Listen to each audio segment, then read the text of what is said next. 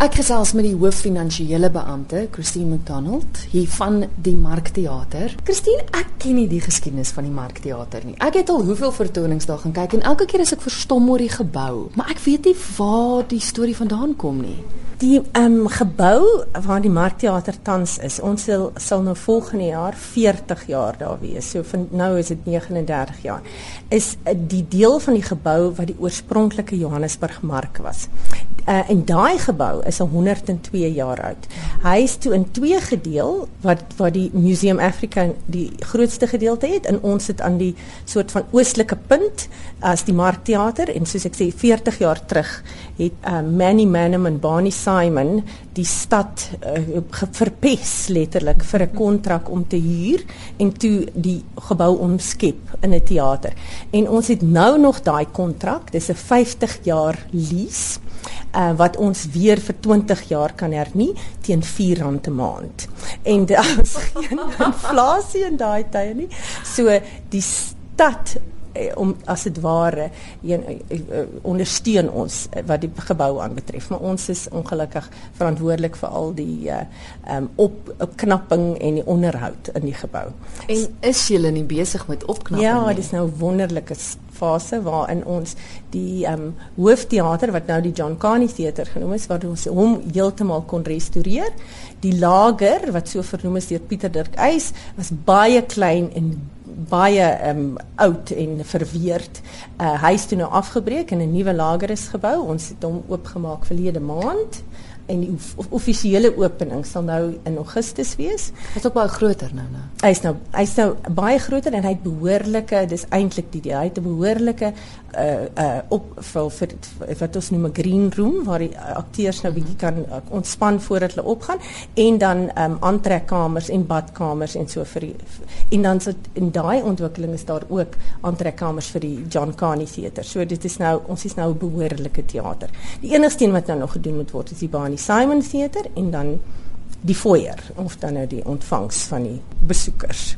Ehm um, en oor kan die straat bou ons nou ook. Ja, want die drie teaters is is waar die Markteater is waar almal dit ken, maar jy ja. het nou grondskyns oorkant. Ja, net vir ons vir ons um, waar mense kan uh, die photo workshop besoek en die laboratory waar ons akteurs oplei. En nog 'n teater wat die Ramolamageni teater genoem gaan word, so 'n vierde teater ons kantore en dan ehm um, die kamers waarin die akteurs repeteer uh waar ons uh, opleiding kan gee en so meer sal dan nou oor kan die straat wees. Ons het gekyk na planne, dit is hier teen die muur waar ons nou sit ook en ek weet van die vensters waar die repetisielokale is, gaan jy so wees dat mense wat verbystap kan sien ja, waar ons gerepeteer word. Ons wil baie graag hê dat die mense van Johannesburg moet deur die hele proses geneem word. Ehm um, ons artistieke direkteur ehm um, James Nkobel uh, wil hê hulle moet uitgenooi word na wanneer die uh, verskillende opvoerings gelees word en dan wanneer dit gerepeteer word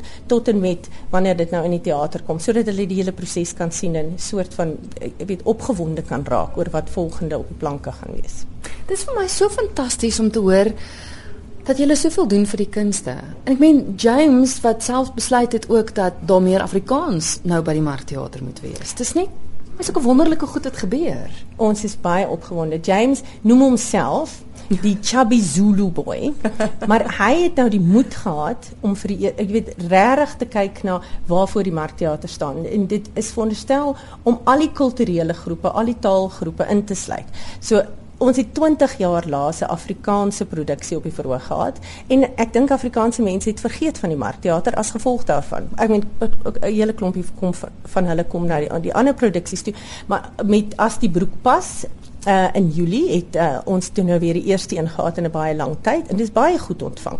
Uh en hierdie maand doen hy nou Lepatata wat die eerste totaal Setswana produksie is. En dan doen ons weer een in September ont of andan en so dit is nou weer 'n interessantheid want ont en andan is gaan in beide tale speel. Een aand in Afrikaans en volgende aand in Engels. Ja, dit is so, op Pretoria is nou. Dit is mm. op Pretoria, ja. So dit is dit is vir ons ook 'n baie lekker nuwe tema vir die Markteater. Dis en dit is ons tema jy weet oral oor om soveel as moontlik mense in te sluit. Tale, ras, enige ding uh, sluit en 'n verskeidenheid van produksies. Dis nie eens tipe produksie nie, dis 'n hele groot verskeidenheid. En ek wil dit weer 'n keer sê.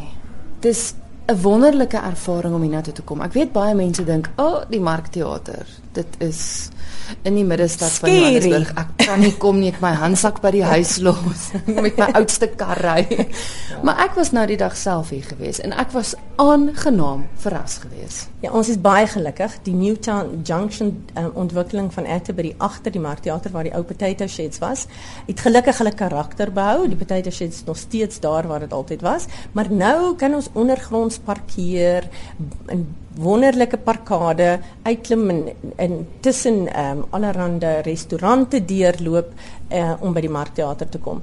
Ek dink dit doen uh, uh, weet wondere vir ons besigheid en ek is seker as mense net die moed het om een keer te kom, dan sal dit vir hulle maklik wees. Dis hier net oor die Mandela brug en dan is jy by ons. Dis oor die brug, eerste straat regs ja, weer volgende links. Dit is regtig so maklik. Dit is. Kan jy agterkom dat dit al 'n verskil gemaak het? Ons kan definitief agterkom dat daar 'n ons mense kry wat deur die deur kom wat nie voorheen daar was nie.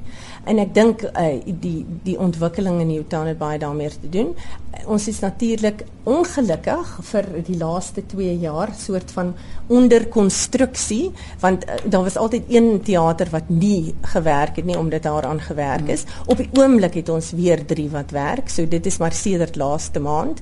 So ons hoop nou, jy weet mense mense hou ook nie daarvan om te kom na 'n plek toe waar daar gebou word nie. So ons hoop nou die ontwikkeling agter ons is klaar. Dis nog net die hotel op die hoek wat gedoen word en en in ons teatergebou is ons op die oomblik kant en klaar. So mense sal hopelik nou voel voel dis 'n 'n plek om na toe te kom. Goed, ons wil hulle Augustus maand by julle uitkry. Ja, wat wys? Ons gaan Barney Simon se lewe vier met die produksie van Cincinnati. Dit begin die 19de Augustus en sal op die planke wees tot en met die 13de September. Dit gaan ook in die lager wees. Uh, en dit gaan nou ook die offisiële opening van die Lager Theater wees. Dit is oorspronklik ontwikkel deur Barney Simon homself en die akteurs in 1979. So hulle het soort van da daarvan 'n werkstuk gemaak. Dit gaan oor elkeen van daai akteurs se persoonlike ervarings in die Suid-Afrika van laat 70s. En dis 'n verskeidenheid van 9 karakters wat daaraan deelneem en die enigste ding wat hulle in gemeen het is 'n klub met die naam van Club Sinsin. En dit is een van die baie min clubs in Johannesburg wat se deure oop was vir enigiemand om in te kom. So so die klub is nou blykbaar waar die swart besigheidsman kan dans met 'n 'n wit hippie vrou of 'n 'n wit ou dans met 'n met 'n huisbediende. Die klub het almal ja. aanbehoort en dit is dit is ontwikkel deur hulle almal se persoonlike ervarings in van daai tyd. En dan sê hy ook dat ongelukkig as jy nou natuurlik na hierdie um, opvoering kom kyk dan voel jy ook jy het genoeg verander sedert ons nou gekom het van daai tye wat dit regtig moeilik mm. en teen die wet was om enigstens jy weet te meng met mense wat anders is as jy. So ons dink dat eh uh, dit beslis jy weet baie mense gaan trek en dit is wonderlik. So dis nog steeds dieselfde storie as dis presies dieselfde storie.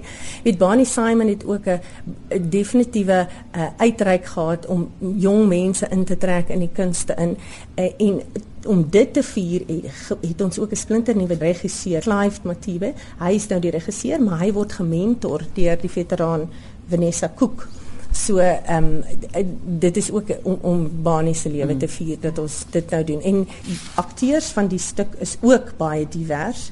Ons het byvoorbeeld Amira Patel, Brendan Oret, Christine Leroux, Chuma Sepotele, uh, François Jacobs, Del de Wet, Parker Zedala, Robin uh, Heaney en Nancy Landi. Oh, so dis 'n ja. groot verskeidenheid van mense.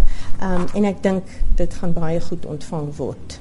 Uh, op ons verhoog. En dan die die ehm um, volgende een is 'n is 'n is 'n kort periode op die verhoog. Dit's Animal Farm.